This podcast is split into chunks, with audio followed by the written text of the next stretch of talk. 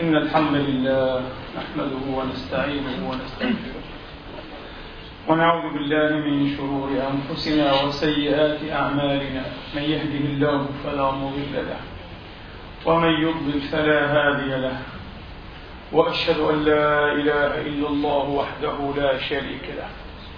وأشهد أن سيدنا ونبينا وحبيبنا محمدا عبد الله ورسوله.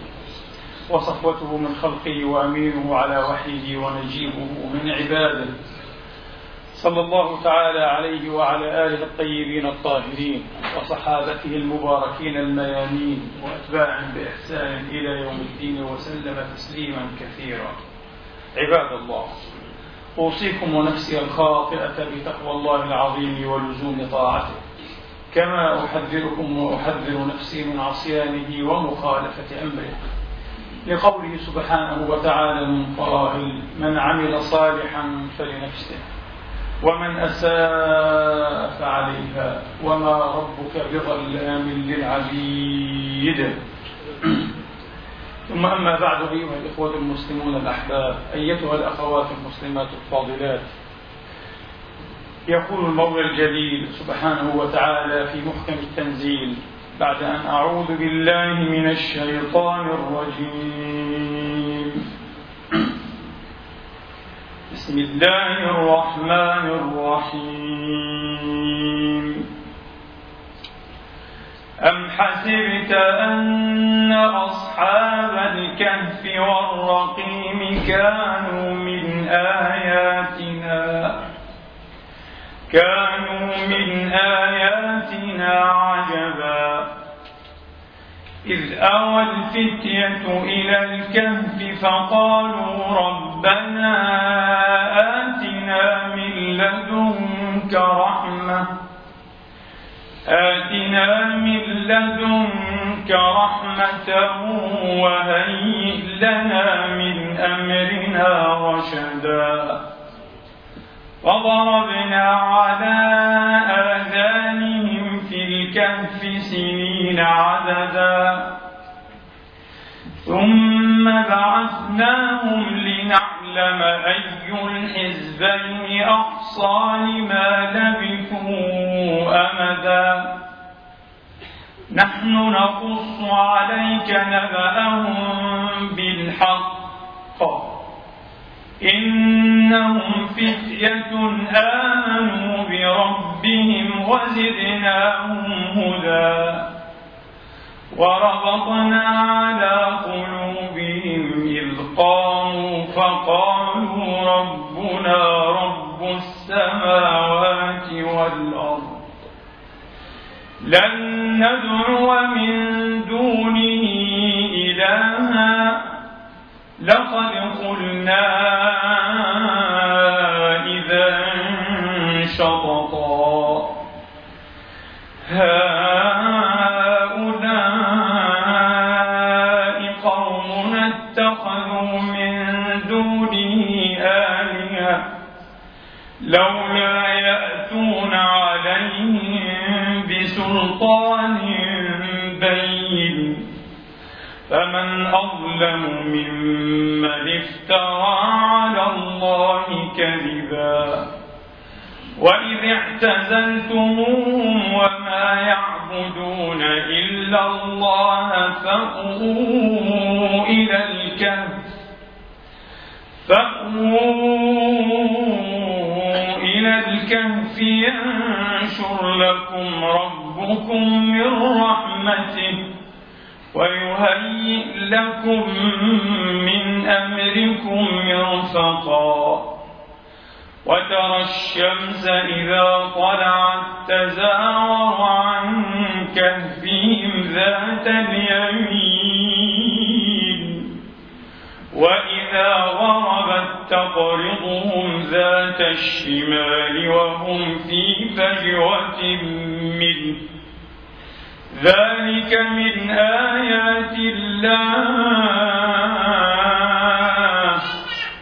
من يهد الله فهو المهتد ومن يضلل فلن تجد له وليا مرشدا.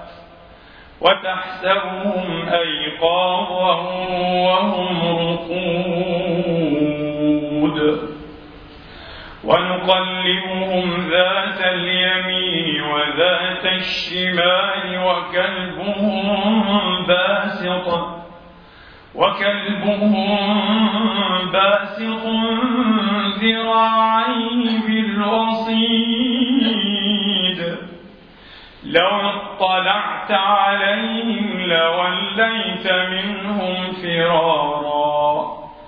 لوليت منهم فرارا ولملئت منهم رعبا. صدق الله العظيم. وبلغ رسوله الكريم. ونحن على ذلك من الشاهدين. اللهم اجعلنا من شهداء الحق القائمين أيها الإخوة الأحباب أيتها الأخوات الفاضلات.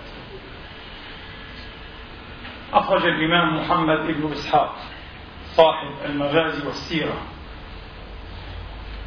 بسند فيه مجهول عن شيخ من الشيوخ يحدث عن شيخ من الشيوخ.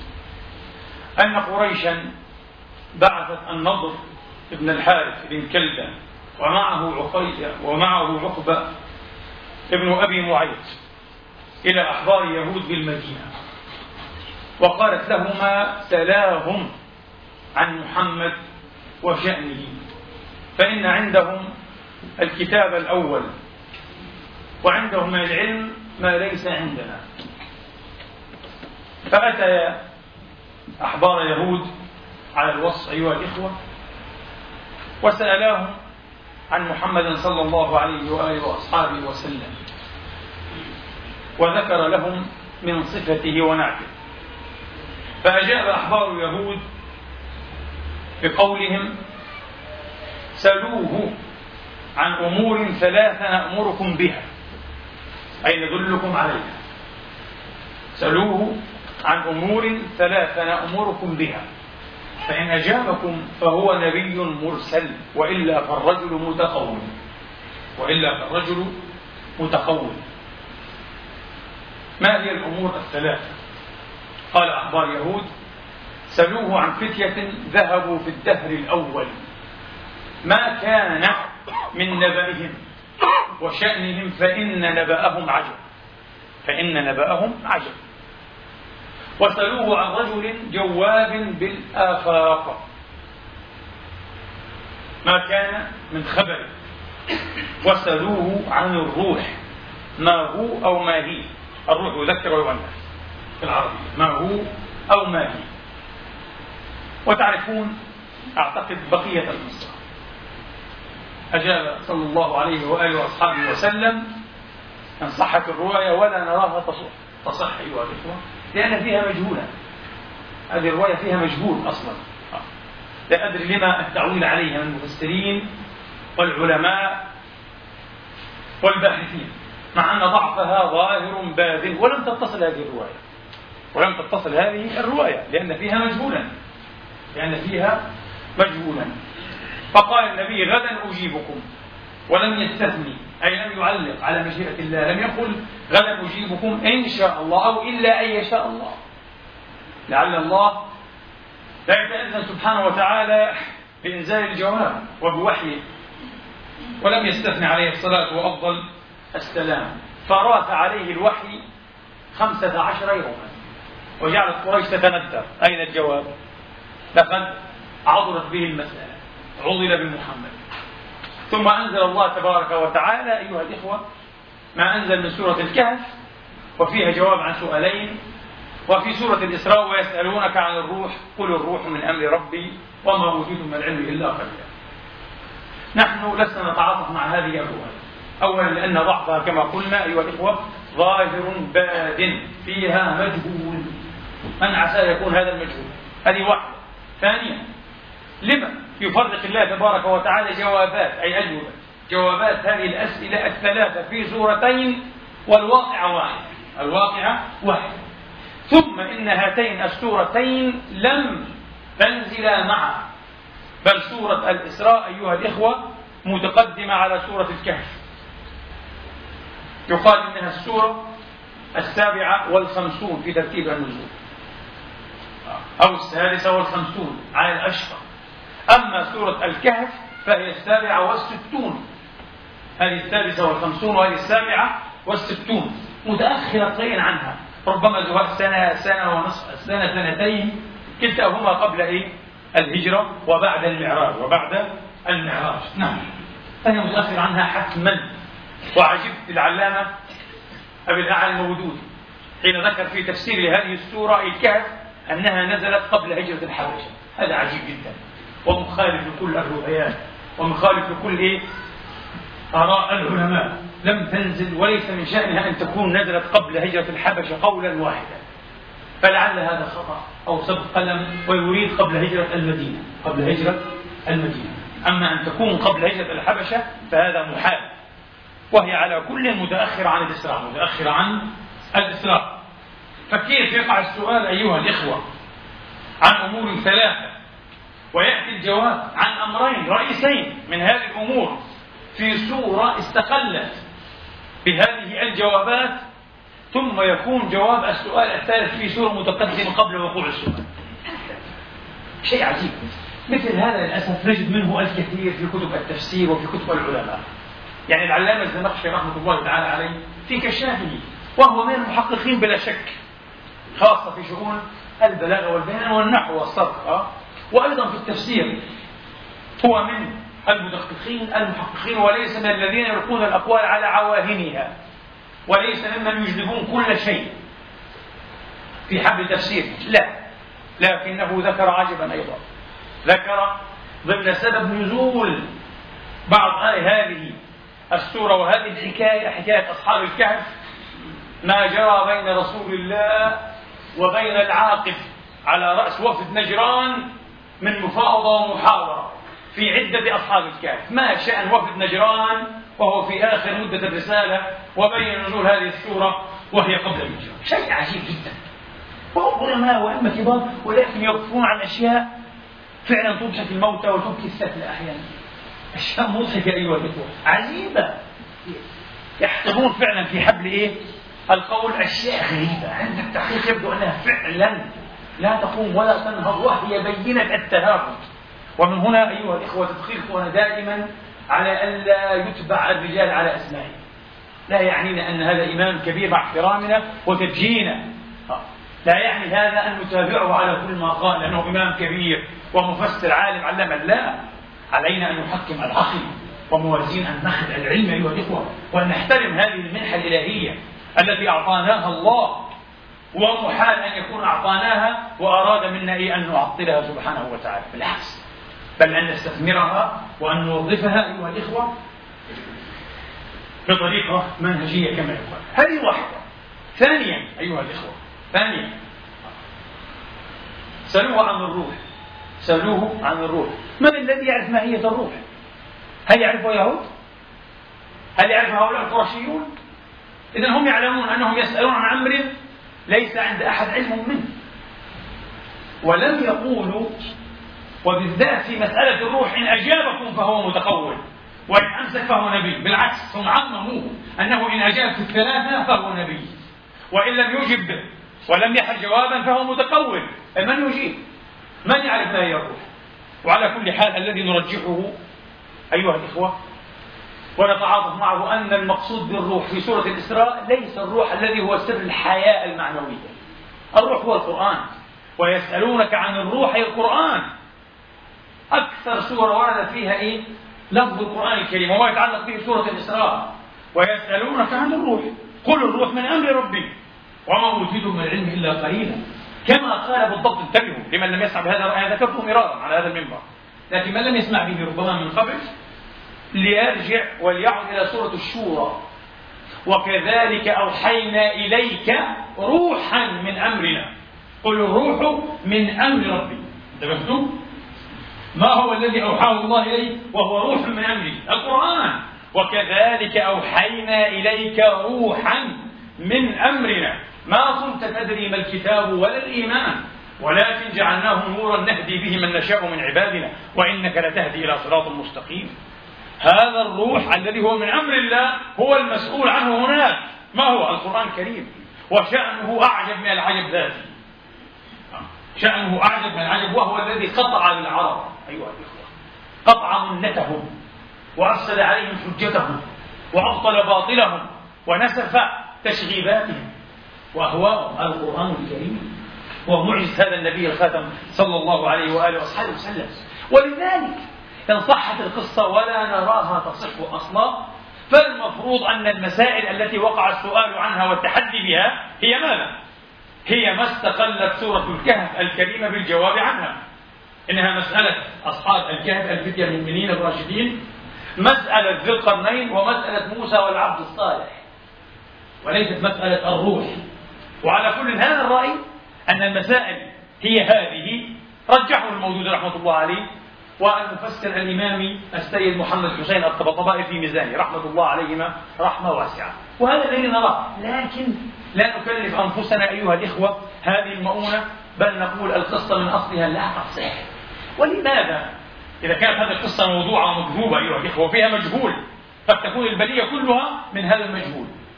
لماذا يذكر النضر بن الحارث بالذات؟ لأن النضر بن الحارث أيها الإخوة أحد شياطين قريش أحد شياطين العرب وكبراء. دهقت دهقت دهاقنت وسدنت الشرك والوثنية والعياذ بالله كان عالما بالأساطير وبالحكاية. وكان يجلس فيحدث قومه عن اسفنديار أيها الإخوة وعن أساطير الهند والفرس العرب القدماء ويقول أيهما خير وأحسن حديثي أو حديث محمد. لذلك تقصدوا أن يضعوا هذا الرجل إيه في البيت في القصة. غمزا من قناة رسول الله صلى الله عليه وآله وسلم. انتبهوا. كل هذا من الموضوعات والمكتوبات التي تحوم حول الجناب المصطفوي الكريم لكي تنال منه وللأسف تعبر ويمشيها علماء المسلمين. مع أنهم يعلمون أنها لا أصل لها. بمعنى أنها لا تصح. لأن بعضهم يقول ما لا أصل له ما لا سند له. نحن نريد هنا ما لا يصح أو ما لم يصح.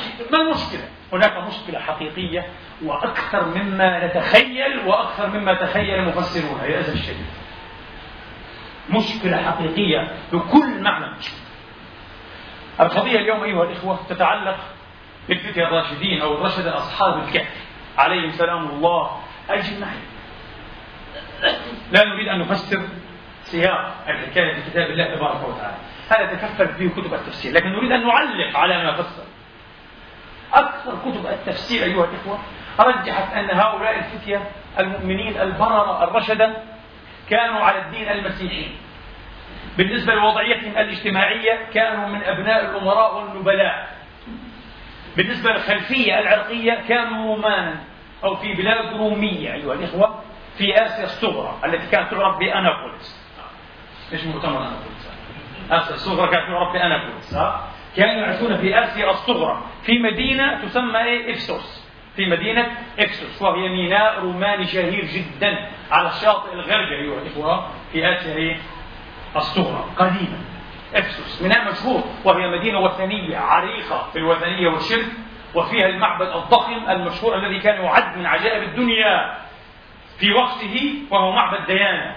إله القمر إله أنثى إله القمر. كان في افسس ثم قامت افسس هذه بدور مشهور جدا جدا يعرفه مؤرخو المسيحية أو النصرانية في مسألة العقائد المسيحية وفي مسألة حتى إيه؟ انتشار الدعوة المسيحية. قضية أخرى طيب. قالوا كانوا هؤلاء كان هؤلاء الفتية المؤمنون في زمان الملك أو الإمبراطور ديوسيوس. بعضهم يسميه ديكيوس. ومكتوبها ديكيوس. يرفض ديسيوس ديسيوس حرف في المصادر العربية إلى ديكيوس دقيانوس دقيوس أه؟ إلى داشيس داشيس بعضهم يقول داشيس. هو ديسيوس ديسيوس أه. على كل حال. بعض المعاصرين حتى يكتبها ها؟ ديكيوس لا ليس ديكيوس هو ديسيوس على كل حال وهذا الإمبراطور الملحد الوثني الذي كان أول من أصدر امرا عاما باضطهاد المسيحيين في العموم.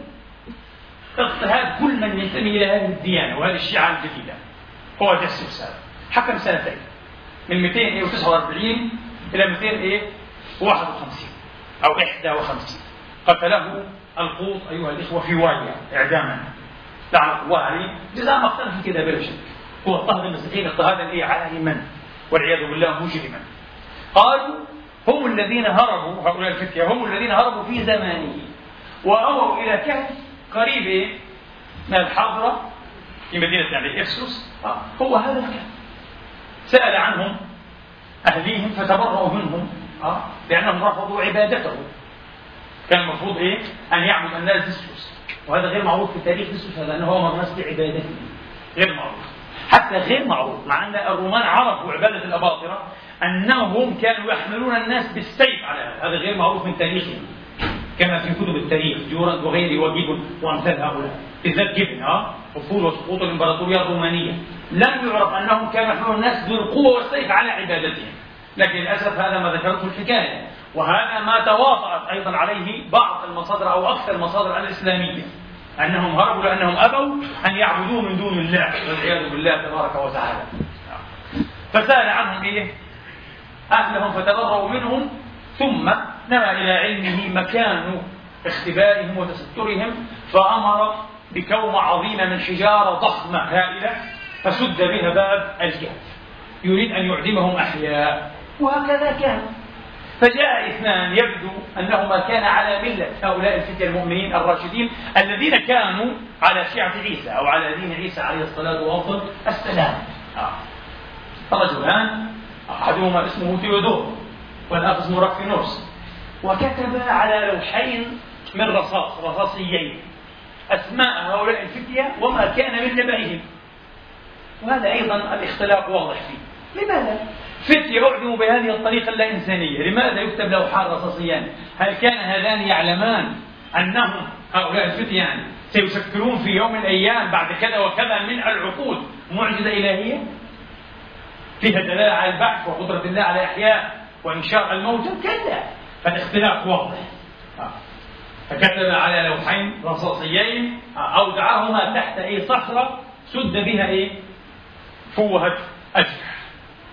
وبقي الأمر كذلك كرت الأدهار والسنون والأعوام أيها الإخوة. فولى زمان الطغاة وجاء زمان ثيودوسيوس. واختلفوا قالوا الكبير الأب يعني وقالوا الصغير على كل بعضهم قال في زمان الكبير وبعضهم قال لا بل في زمان ثيودوسيوس الصغير الذي كان مسيحيا على دين عيسى لكن على طريقة التثليث طبعا على طريقة التثليث وتأذن الله تبارك وتعالى بأن يجعل من هؤلاء آية من آياته. آية عجب من آيات الله المعجبة سبحانه وتعالى. فالذي تعود إليه ملكية الأرض مالك أيها الأخوة مزارع. أمر العمل أو الفعل أو العمال عنده أن يقوضوا هذه الحجارة لكي يبني بها حظيرة. فلما قوضوها دخلت أشعة الشمس واخترقت فوهة الكهف وتأذن الحكيم القدير لا إله إلا هو بأن يستيقظ هؤلاء الفتية بأن يستيقظ هؤلاء الفتية. لم يشعر بهم أحد لم يأذن بهم أحد. فشعروا بالجوع الشديد ولم ينكروا شيئا من هيئاتهم كما هم وحسبوا أنهم ناموا ليلة واحدة. ليلة واحدة. بعثوا أحدهم إلى المدينة لكي يأتيهم بخبز. ومعه شيء من نقود فضية الورق. بورقكم ها فذهب إلى المدينة. فما رعه إلا أرهاء المعلم الرئيسي لواجهة المدينة قد تغير. عجيب. أنا حيران أم نومان؟ أنا حيران أو نومان؟ يقول لنفسه لأنه رأى صليبا كبيرا على باب المدينة. مستحيل أصحاب القربان كانوا يقتلون ويضطهدون ما الذي حدث؟ فدخل وجلا حيران. لا يدري شيئا إيه؟ من حقيقة الأمر. فقصد إلى خباز من الخبازين بثيابه القديمة كما تقول الحكاية وأعطاه النقود لكي يعطيه شيئا من خبز. فأخذ ذاك النقود فما راعه إلا وهذه النقود قديمة من أيام دسيوس الطاغية الملحد. من أيام إيه الطاغية دسوس فقال من أين؟ قال هذه أموالي. قال من أين لك هذه المال؟ قال مال هذا مال مال هذه بلدة؟ فهذا الرجل وظن أن هذا الشاب أه النصاب أيها الإخوة الأخوة قد وقع على كنز قديم. فساقه إلى الحاكم أي القاضي وهناك بعد المفاوضات وأخذ ورد حكى له به ما كان ليتبين هو أولا وهم آخرا أنه استيقظ بعد عقود طويلة.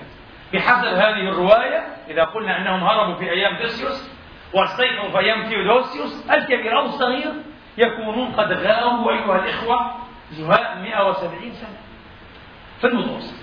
170 إيه؟ سنة. في المتوسط. فذهبوا إلى الكهف. ذهب القسس الأساقفة وعامة الشعب والتجار وذوي الهيئات وذهب تقول الرواية الإمبراطور المؤمن كما ينعتونه ثيودوسيوس نفسه. ودخلوا على بقية الفتية. فعلا استخصوهم نبأهم مرة أخرى فقصوا عليهم. ثم بعد ذلك تأذن الله أن يناموا أن يموتوا هذه المرة في دعة وسكون في أماكنهم. عادوا فماتوا حتى يبعثهم الله تبارك وتعالى. فعظم شأنهم أيها الإخوة وطار صيتهم وذكرهم وصار النصارى أو المسيحيون في أرجاء الأرض شرقيين وغربيين أيها الإخوة. فعلا كيف الشرقية والغربية تحتفل بذكرى هؤلاء النوام السبعة المقدسين طوبوا قديسين الكنيسة القبطية الأرثوذكسية الكاثوليكية الرومانية كل الكنائس لكن في أوقات مختلفة. عند كل كنيسة هناك يوم تاريخ مكتوب هذا الكتب معروف يعني. آه. يحتفلون بذكرى النوام. sleepers يعني Schläfer آه. السبعة بذكرى النوام السبعة لذلك في المعاجم ودوائر المعارف أو المعلمات كما يقال encyclopedias يعني آه. يسمون ماذا؟ نوام أو نيام يعني. نوام لأنهم ناموا كثيرا مبالغة نوام إفسوس السبعة آه. يعني Seven Sleepers of Ephesus. آه. نوام إيه إفسوس؟ السبعة Seven Sleepers of Ephesus. بعضهم ألف كتبا بهذا العنوان. نوام إفسوس السبعة المستشرق الفرنسي الشهير لوي ماسنيون آه. ألف كتابه الذي نشره سنة 61 و1900 آه. اسمه آه النوام السبعة أهل الكهف. بالفرنسية. تحدث فيه من وجهة نظره الدينية المسيحية عن هذه القضية. وغمد من قناة القرآن.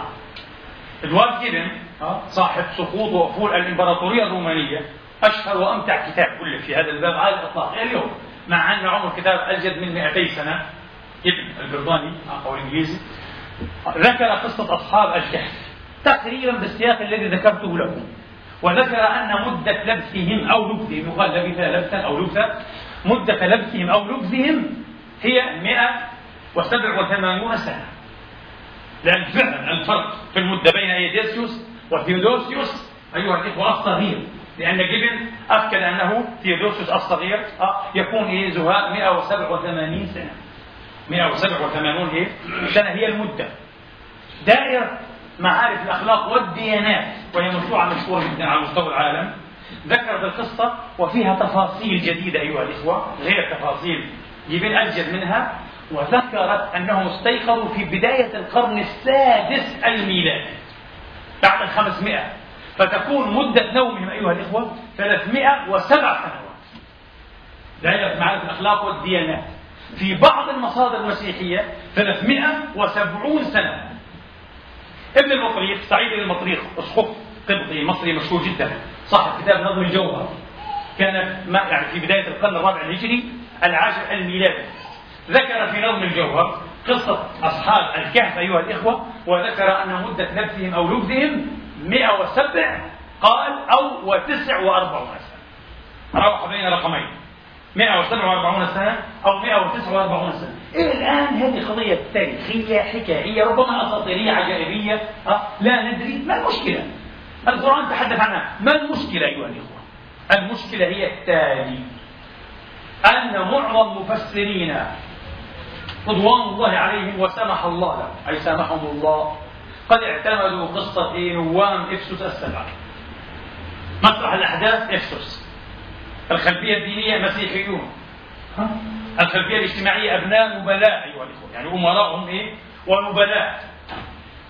المدة من إلى ولكن من إلى أيها الإخوة وخاصة للأسف علماء يذكرون هذا ولا يتنبهون في زمان إيه؟ دوسيوس واستيقظوا زمان تيودوسيوس هذا يتناقض بشكل واضح وعامد.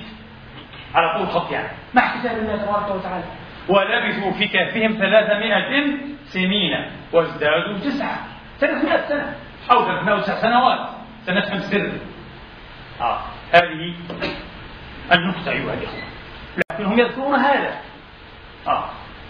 ويؤكدونه في الحكاية طب أين المشكلة؟ القرآن يؤكد حكاية لها أصل تاريخ. لا. المشكلة أن الدراسات الحديثة العلمية المنهجية التحقيقية أثبتت أن هذه محض خرافة. ما في شيء اسمه نوام إبسوس السبع. ما في شيء اسمه فتية أصحاب الكهف كحدث تاريخ. محض خرافة. كيف؟ سوف نرى. مشكلة حقيقية الآن يطعنون في القرآن الكريم وفي رسول الله من جراء النفس. قالوا لو كان نبيا حقا ورسولا صدقا يوحى إليه من لدن عليم خبير لما جادت عليه هذه الأسطورة التي ظنها واقعة تاريخية وأودعها كتابه المتروك. أستغفر الله العظيم. اللهم غفرا. اللهم غفرانا. كيف؟ أولا قالوا هذه القصة مشهورة كأسطورة. لجن. مثل أو حتى مثل يعني خرافة. لجن أسطورة مثل خرافة. الكهف أيها الإخوة. قالوا مشهورة كأسطورة أو خرافة وهي معروفة حسب ما أثبت الباحث والمؤرخ الألماني الشهير جون كوخ في كتابه أسطورة النوام السبعة أصلها وذيوعها في sieben Schlägerlegende. Ihr Sprung, أو Sprung أيها الإخوة. أصلها وانتشارها. هذا نشره في منتصف القرن التاسع عشر. كوخ الألماني. وقال هذه أسطورة حاول في كتابه أن يدلنا على الأصول الخرافية اللامعقولة هذه الحكاية. العجيب أن أرسطو الفيلسوف اليوناني الذي كان حيا في القرن الرابع قبل ميلاد السيد المسيح في كتابه الرابع والمسمى بالفيزياء أو الطبيعة Physics ومن هنا جاء على فكرة مصطلح ما بعد الطبيعة Metaphysics الميتافيزياء مباحث الوجود ها العام الوجود بما هو موجود. لماذا؟ لأن الكتاب الخامس كان هو إيش؟ الذي يبحث في هذه الموضوعات الفلسفية. فسموه ما بعد الطبيعة. فكتاب الطبيعة رقم أربعة. الذي بعده هو كتاب ما بعد الطبيعة ومن هنا جاء هذا المصطلح ميتافيزياء ميتافيزيقا Metaphysics. يعني ما بعد كتاب الطبيعة. في كتاب الطبيعة والكتاب الرابع أيها الأخوة من كتب أرسطو ذكر هذه الأسطورة على أنها أسطورة. هذا قبل المسيح نفسه ب 400 إيه؟ سنة أيها الأخوة. في القرن الرابع قبل ما المسيح أرسطو ذكر في الكتاب الرابع في الفيزيكس أسطورة هؤلاء الفتية النوام وأنهم كانوا في سادس ترجمت بسردينيا إيطاليا اليوم ها في جزيرة إيه؟ سردس قالوا سردينيا ترجمها بعض إيه؟ المترجمين الإنجليز إلى سردينيا. الله أعلم على كل حال. هذا ما كتبه أرسطو هذا مثير جدا جدا. لكن ليس في رواية أرسطو هذه التفاصيل. ليس فيها طبعا ذكر الكلب ولا ذكر أنهم كانوا إيه سبعة ولا أشياء كثيرة. نبر هذا قد يتفق أيها الإخوة. أنا موقن أن الدنيا مليئة ملآنة بكهوف وفيها إيه؟ موتى. سبعة عشرون ثلاثون ثلاثة عشر. مليئة الدنيا. موجود هذا فهذا الذي أشكل على بعض الناس. لكن هذه الحكاية أو القصة أو الأسطورة لها أربع روايات شهيرة الرواية السريانية. ثم الرواية اللاتينية التي هي ترجمة للرواية السريانية ثم الرواية الإسلامية التي هي امتداد ومدح من الرواية السريانية ثم الرواية اليونانية في القرن العاشر الميلادي. هناك في المصادر الأرمنية والقبطية والحبشية روايات كلها تعود إلى الرواية السريانية فتقريبا إيه؟ الرواية السريانيه هي مش تقريبا هذا ما يقطع به كل المؤرخين الغربيين اليوم. الرواية السريانيه تعود لمن؟ ومتى وهل هذا الذي أرخ لهذه الحكاية أيها الإخوة كان شاهد عيان أو ويتنس يعني؟ لا. هذا رجل أسقط. آه أيها الإخوة رجل دين يعني من العراق من مكان اسمه ساروش ساروك. آه. اسمه جمس أو يعقوب. أكثر مسمى جمس مثل جمس يعقوب أخو عيسى آه. الذي يدعي أنه أخو عيسى. بيقولوا إيه؟ جيمس أو ساروك. جيمس أو يعقوب الساروجي. جيمس الساروجي أيها الإخوة. نعم. تحدث وهو أول من تحدث عن هذه الحكاية إذا هو من أهل ثوب ليس من أهل ماذا؟ إفسس فهو بعيد نسبيا جدا إيه؟ عنها أيها الإخوة. أيوة. اثنين. جيمس الساروجي ولد بعد وفاة ثيودوسيوس نفسه بحسب جبن بستة عشر سنة. ومات الساروجي سنة 21 و500 للميلاد. ذكر هذه الحكاية ذكر هذه الحكاية. الآن السؤال الذي يطرح نفسه ويثير الشك والريبة هذه القصة أبطالها روم. شخوصها روم أيها الإخوة.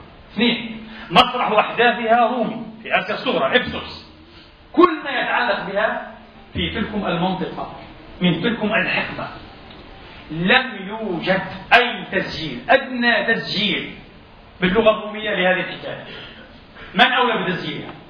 من أولى بأن يأثرها وأن يرويها وأن يرويها؟ الروم لم يفعلوا. لماذا كان عليهم أن ينتظروا؟ زهاء 30 أو 40 سنة حتى يولد إيه؟ جيمس الساروجي ويرشد يصبح راشدا ويأتي يحدث بها الناس في عظاته باللغة السوريانية. انتبهوا باللغة السوريانية. متى انتشرت هذه الرواية في الغرب نفسه المسيحي؟ ها؟ اللاتيني وغيره انتشرت في القرن السادس الميلادي. بعد أن ترجمها غريغوري أسقف تور في فرنسا. تور غريغوري تور ترجمها عن الساروجي وذكر ذلك وأودع كتابه الشهير مجد الشهداء الكتاب الأول الفصل الخامس والتسعين. في الفصل الخامس والتسعين. وبعدها بدأت تعرف هنا إيه؟ في هذا الغرب المسيحي. قصة النوام السبعة. قصة النوام السبعة. الأدلة متكاثرة على أنها قصة مختلقة. لماذا؟ ليس فقط لما ذكرنا. هذا ما هو أقوى وأعجب. لأن أحدا من المؤرخين الكثر وبعضهم شهود عيان الذين أرخوا لثيودوسيوس أيها الإخوة لم يذكروا هذه الحكاية. وهي عجب من العجب. يعني أحد هؤلاء المؤرخين كان شاهد عيان أيها الإخوة وربي في بلاط ثيودوسيوس عاش في بلاط ثيودوسيوس وألف 22 كتابا منها جمل كتب عن ثيودوسيوس. لم يذكر شيئا عن قصة أصحاب الكهف عن قصة النوام السبعة وتاريخه معروف. إذا هذا لم يقع وثيودوسيوس كان مسيحيا. ومن شأن هذا الملك ومن شأن من أرخ له ممن هم على نحلته ومن شيعته أن يمجدوا هذه القصة وأن يرفعوا من شأنها ومن صحيح ويزيدوا فيها رطوشا كثيرة إلا أن واحدا منهم لم يفعل لا يوجد مؤرخ وخاصة من شهود العيان أيها الإخوة. ممن أرخوا لهذا الملك وحسبته ذكر هذه القصة.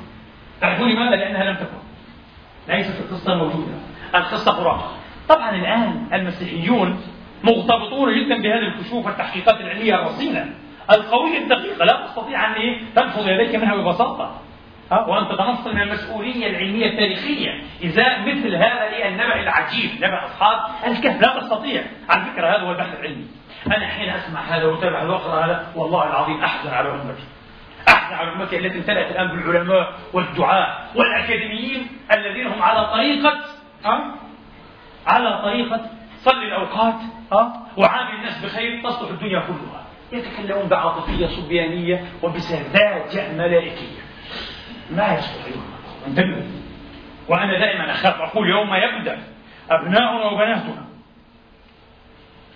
يوم يبدأون يكونون جادين ويتعلمون ويدرسون ويقارنون سيبدأ الشك في اختيارهم وزحزحتهم من مواقعهم الإيمانية. الإيمان لا يدافع عنه ولا عن القرآن ولا عن رسول الله بالعواطف أيها الإخوة والنوايا الطيبة. لا بد من البحث العلمي الرصين الدقيق وإلا سيهتز وضعنا الآن تحمينا الأمية.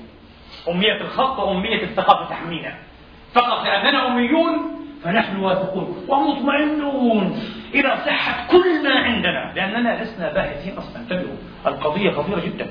أما الآخرون من الخبثاء الضاغنين المشاغبين فهم جد مغتبطين بهذه الحقائق. يقولون هذا هو محمد وهذه هي حقيقة محمد. محمد سمع الرواية السريانية. التي كان يتناقلها المسيحيون العرب السوريان بالذات في بلاد الشام ولذلك إدوارد جيبن في سقوط الامبراطوريه الرومانية ماذا قال؟ بعد أن انتهى من سرد رواية أزماني عن هذه القصة ماذا قال؟ قال ولا ريب أن هذه الحكاية انتشرت بين المسيحيين بين مسيحيي الشرق وكان يعرفها مسيحيو إيه؟ الشرق تماما. ثم قال ولا شك أن محمدا في أسفاره بقوافله التجارية غير مرة إلى بلاد الشام قد سمع هذه القصة. قد سمع هذه القصة؟ فأودعها قرآنه على أنها وحي منزل من عند الله. استمعنا إلى بعض هؤلاء على شاشة تلفزية قبل فترة. يشغب ويتحدى. وللأسف كل المداخلات الإسلامية كانت مجهضة متهافتة لا تمت العلم بصلة شيء عجيب. أكثره من قبيل الله قال هذا. كيف نكذبه؟ هذه مصادرة على المضمون قبل أن تثبت أن الله قال هذا عليك أن تجيب عن الشبهة. لأن هذه الشبهة متوجهة أصلا إلى حقيقة ماذا؟ دعوى أن هذا الكلام كلام الله. هم يزعمون هذا الكلام كلام محمد. خدع به محمد. كما خدع به مسيحي الشرق. وظن أنه حقيقة تاريخية. وأودعها في كتابه وتكلم عن إيه؟ هؤلاء النواه وعن كهفهم وعن وعن والقصة كلها لا أصل لها. خرافة خدع بها إيه؟ المسيحيون ليخدع بها من بعد محمد صلى الله عليه وآله وأصحابه وسلم. هم فرحون جدا بهذا. وبلبلوا عقول المسلمين. بلبلوا عقول المسلمين. انتبهوا. قد يقول قائل كيف كيف الجواب؟ هذه شبهة حقيقية، هذه مشكلة حقيقية، كيف الجواب؟ كنا نظن أن هذه حقيقة تاريخية. يسلم بها اليهود والنصارى، هي صحيح. النصارى يحتفلون بذكراهم على أنهم قديسون ولكن يحققون يعلمون أنها خرافة، أما اليهود فلا حس ولا ركز ولا خبر. اليهود لا يعرفون شيئا عن قصة الكهف وأصحاب الكهف. لا يوجد في أي مصدر يهودي أيها الإخوة أدنى إشارة إلى قصة النبوة السبعة انتبهوا ولذلك هنا شكنا وارتياؤنا في رواية محمد بن إسحاق عن الشيخ المجهول أن اليهود أمروهم أن يسألوا إيه؟ رسول الله عن هؤلاء الفتية من أين اليهود علم؟ إلا أن يكون إيه؟ لهم علم كعلم النصارى وهل يتقلد اليهود علم النصارى؟ يعني هل يتبنونه؟ هل يتقلد اليهود علم النصارى؟ هل يعترفون به ويقرونه؟ لا أعتقد بالعكس هم يسخرون من كل إيه؟ من سواهم ومن علومهم ويعتبرونهم أميين وجهلة لا يعرفون إيه العلم العلم عندهم هم هكذا. الله أعلم بحقيقة ذلك. الله أعلم بحقيقة ذلك. سمعنا هذا المشاغب المسيحي على شاشة التلفاز يقول متحكيا وللأسف للأسف هو متنصر. هذا المسيحي يقول أيها الإخوة غير مرة قولوا لنا أجيبونا ولا تنزعجوا. لماذا ذكر محمد أصلا هذه القصة؟ وذكرها مفككة غير مترابطة وليس فيها تدقيق ولا تحقيق. ارتاب في عددهم ارتاب في مدة إيه لبسهم في كهفهم وقد لا تبحث في هذا ولا تماري فيه لم نعرف هذه التفاصيل لا تذكر لنا مسرح الأحداث أين وقعت. طبعا على الأقل نحن في روايتنا الخرافية الأسطورية ذكرنا هذه الأشياء بدقة هو لم يعرف. هذا ما بقي إيه في ذاكرته من القصة التي ربما سمعها مرة أي أو مرتين في حياته. قولوا لنا لماذا يذكرها محمد أصلا؟ ما الجديد الذي أتى به محمد؟ هكذا قالوا عدة مرات. ما الجديد؟ بالعكس هو أتى بالقديم مهوشا مختلطا مشوبا بأشياء غير واضحة عما فيها على القصة وعلى شخوصها وعلى مسرح أحداثها وعلى مدة لبس إيه؟ أبطالها. فما الجديد؟ قالوا الجديد أنه أراد أن يجيب عن سؤال تحدي به وفشل في الجواب. الله أكبر. قاتلهم الله أن ينفقون على كل حال هل فعلا محمد تحدي بسؤال وأجاب عنه؟ الرواية عندنا غير صحيحة هذه واحدة مش شرط واقرأوا تعليق العلامة الإمام أحمد بن عبد الرحيم شاه ولي الله الدهلوي قدس الله سره في كتابه الماتع الذي لم ينسج على منواله. حجة الله البالغة في غرام وولع المفسرين في ذكر أسباب نزول لمعظم الحكاية والقصص. الحكاية والقصص في كتاب الله. هو يرفض هذا ويعتبر هذا من تقولات المفسرين مش شرط يا جماعة. ويأتي بوجهة نظره كمحقق وإمام مجدد قدس الله سره الكريم. أعني الشاه ولي الله الدهلوي لسنا مضاعفين وليس عندنا رواية وأن النبي قال سأجيبكم وبقي 15 يوما وسخر الناس هذا لم يصح. رواية واحدة. وهي التي ذكرها ابن هشام أيها الإخوة بغير إسناد عن شيخ مجهول. طبعا لأنه اختصر سيرة ابن إسحاق. كلام هذا كلام فرق من أوله. آه. وكفاك من شر سمعه كفاك من شر سمعه. هذه واحدة. ثانيا نقول لهؤلاء ما الذي أتى به محمد؟ في الحقيقة لم يأتي محمد جديد. ما الذي أنزله رب محمد ورب الناس أجمعين؟ أجبنا كنا عن نظير هذا السؤال في قضية تناولنا لعيسى عليه السلام. عيسى في القرآن الكريم. الشخصية العيسوية في كتاب الله تبارك وتعالى. لماذا؟ لماذا تناولها القرآن؟ لماذا ذكر أنه ليس أي هذه الثلاثة؟ التوحيد. طيب. طب لماذا ذكر أنه لم يصلب؟ هذا لا لا ينبني عليه كبير إيه؟ يعني عناء أو أو كبير عفوا فائدة في قضية الاعتقاد. أنه صلب أو لم يصلب إذا كان صلب فهو عبد من عباد الله صلب وهذا يؤكد عبديته وأنه ليس إيه؟ الها ولا ابن اله وإذا كان لم يصلب فهذا يؤكد رعاية الله له وأن الله انجاه وطهره وهذا هو الواقع. فلماذا القرآن خالف عقائد المسيحيين الشهيره وأكد أنه لم يصلب واستجلب عداوته؟ تعرفون لماذا؟ اجبنا في خطط سابقه لأن الأدلة لكل نبع مستقر وسوف تعلمون. لأن الله يعلم أن الأدلة ستلوح يوما ولو بعد 1400 سنة لتؤكد صحة ما في كتاب الله. بدقة شديدة جدا إعجازية. دقة إعجازية. لم يكن أحد أيام رسول الله يعرف البرهان. ولا واحد لا مسيحي ولا مسلم ولا غير ذلك. وبعد 1400 سنة تأتي البراهين من من دراساتهم ومن لفائفهم وحفرياتهم وتنقيباتهم وأدلتهم الأثرية العجيبة. لذلك الله يقول ذلك عيسى بن مريم. قول الحق الذي فيه يمترون نقول لهذا المشاغب الظاهر المتهور من أجل هذا ذكر الله نبأ عيسى مثلا. ومن أجل هذا نحن نقص عليك نبأهم بماذا؟ بالحق. قول الحق الذي فيه يمترون عيسى أما فتنة الكهف أه؟ فهذا نبأهم بالحق في إشارة إلهية إعجازية إلى أن ما شاع وذاع بين الناس من نبأهم ماذا؟ شابه كثير من الباطل فيه كثير من الأباطيل أيها الإخوة والخرافات والأساطير أما ما سأقصه عليك يا عبدي ويا خيرتي ويا حبيبي يا صادق يا مصدوق يا أبر يا أطهر يا ميمون النقيبة فهو الحق لا ملية فيه. نقول لهذا المتهور ولن يعرفه لن يعرف هذا حتى يسمعه منا ومن أمثالنا. ولن يدين به لأنه مكابر. نسأل الله الهداية للجميع. كيف؟ أيها الأخوة انتبهوا. أولا لم يذكر لا في الرواية اللاتينية ولا في الرواية الأصل السوريانية طبعا ولا في الرواية الإسلامية رواية إفسوس ولا في الرواية اليونانية في القرن العاشر الميلادي.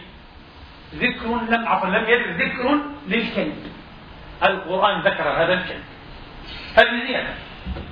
ولها شأنها قطعا ثانيا الذي ذكر في القرآن معلومات دقيقة جدا بالذات فيما يتعلق بالموقع اللاجئ الألماني اللوكيشن يعني موقع الكهف.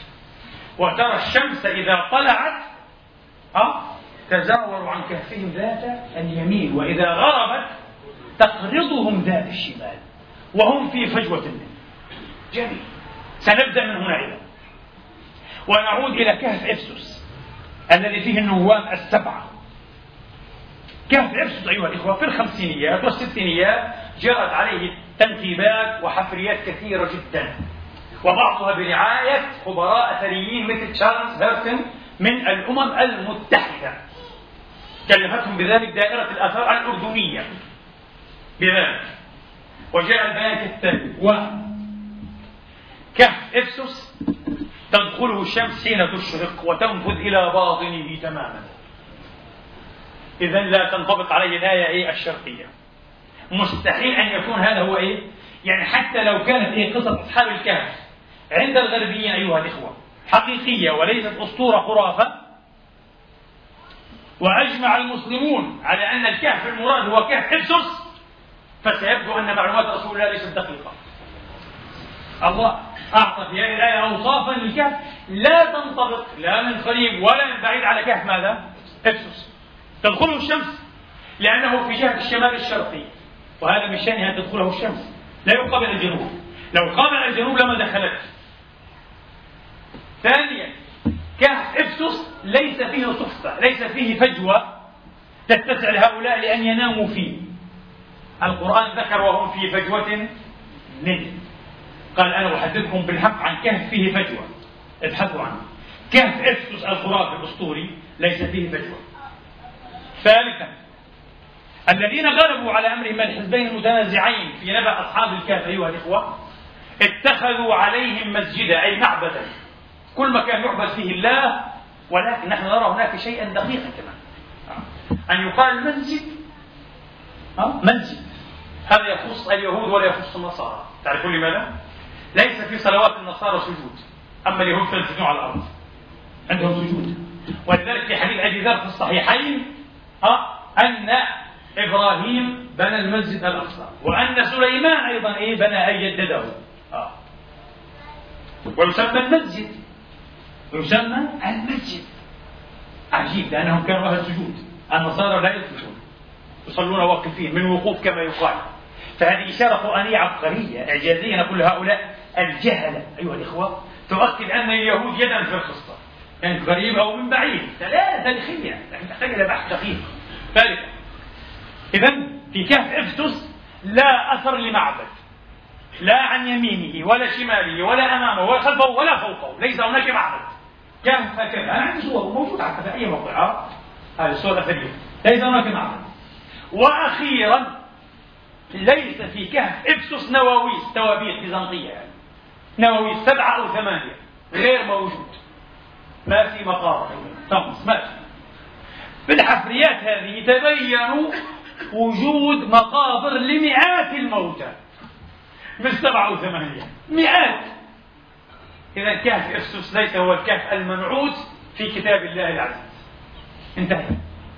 نترك هذا نأتي الآن إلى تراث المسلمين لكي تعلموا كم هي عقلية السادة المفسرين بسيطة وواحدية هذا الذي نأخذه على علمائنا وبالذات حتى في اليوم هذا في يومنا هذا في عصر المعرفة وفي عصر ما كان ما سماه هربرت ماركوزي من مدرسة فرانكفورت أه؟ ما سماه انتهاء عصر التفسير الواحد لا تفسر أي شيء بنظرية واحدة أه؟ من منظور واحد خطأ للأسف ستجد في تراثنا أيها الإخوة في تاريخ المسلمين أن عبادة ابن الصامت الصاحب الجليل وصف الكهف أيها الإخوة وسماه الكهف والرقيم على طريق التجارة بين الشام والحجاز يعني في بلاد الأردن وفلسطين في هذه المنطقة بالذات. إذا حتى الصحابة كانوا يعلمون أن هذا لعل الرسول نعته لهم. ليس في بلاد إفسس ليس ذاك الكهف الخرافي. كهف في هذه المنطقة. هي واحد. اثنين سعيد بن عامر الصحابي الجليل الذي أنفذه الفاروق رضي الله تعالى عنهم وأرضاهم أجمعين على رأس جيش إلى بلاد الشام. ضل طريقه وتاه ونزل بعد ذلك أيها الإخوة في مقربة من كهف الرقيم. ودل الصحابة عليه وصلوا عنده. وقالوا هذا هو الكهف المنعوت في كتاب الله. مذكور هذا عندنا في تراثنا. أين ابن كثير والطبري والذهبي وابن عساكر من هذه الروايات؟ تاريخكم يا جماعة. لا يقرؤون. هم يقرؤون على الفكرة لكن لا ينظرون بمثل هذه النظرة التركيبية. لعل تأثير الوافد سبحان الله كان ولا يزال في هذه الأمة له ألقه وسحره إسرائيليات خرافات ها؟ ذكر فلان كذا الأسقف فلان كذا. لماذا؟ إسرائيلية خرافية والله قال فلا تماري فيهم إلا إيه؟ مراء ظاهرة. ولا تستفتي. يا أخي ما أعجب كتاب الله. قال لك ما جديد. الله يقول له ولا تستفتي فيهم منهم أحدا. لماذا؟ لأن نبأهم ليس عندهم. كل ما عندهم هو خراريف خرافات. أما ما سأتلوه عليك يا خيرتي فهو الحق. نحن نقص عليك نبأهم. لسه لم يأتكم. ليست هذه عقدة الخطبة الآن. ستأتي العقدة في آخر شيء. لله الحق في الأولى والآخرة. يا إخواني. آه. أيضا يذكر الفخر الرازي العلامة الكبير وهو من المدققين في التفسير رحمة الله عليه. ليس من الحاطمين كل شيء وإن كان من المتوسعين. الفخر الرازي يذكر عن الإمام القفال الشاشي الكبير إمام الشافعية فيما وراء النهر في بلد خراسان يعني. علامة كبير رحمة الله عليه. طلب العلم على كبر وأصبح إماما لا يشق له غبار على كبر. فوق بعد الثلاثين بدأ يطلب العلم هذا الرجل القفال. قدس الله سره أحد أشهر أئمة الشافعية على كل القفال الكبير ذكر عن محمد بن موسى الخوارزمي الخوارزم المنجم المشهور هذا والعالم الرياضي أيضا. عن محمد بن موسى الخوارزمي قال بعثني الخليفة الواثق إلى ملك الروم لكي يطلعني على الكهف المأثور المعروف عن هؤلاء القوم أو عند هؤلاء القوم. قال فذهبت على بركة الله. فبعث معي رجلا قيما على الكهف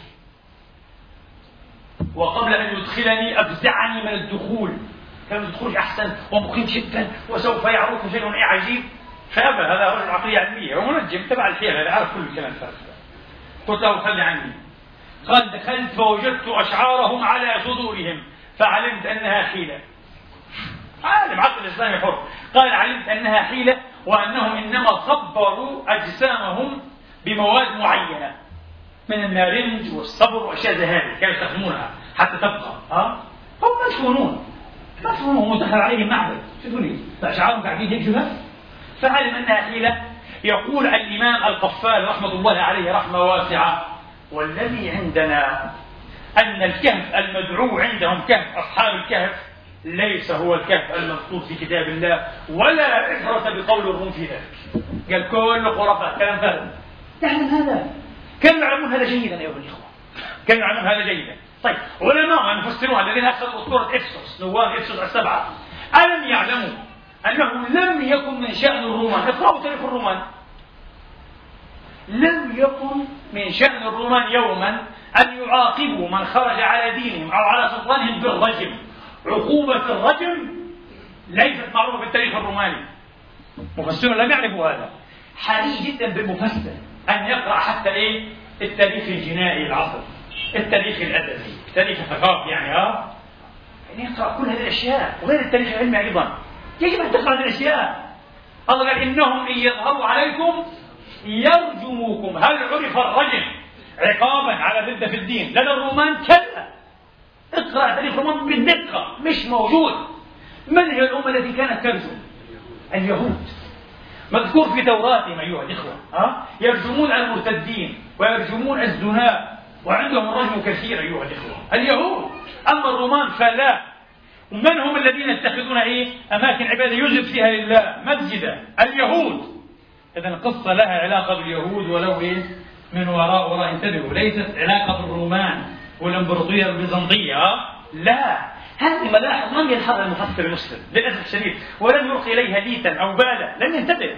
وهذا من الضعف في المنهج في التفسير. آه. هذا كلام إلهي.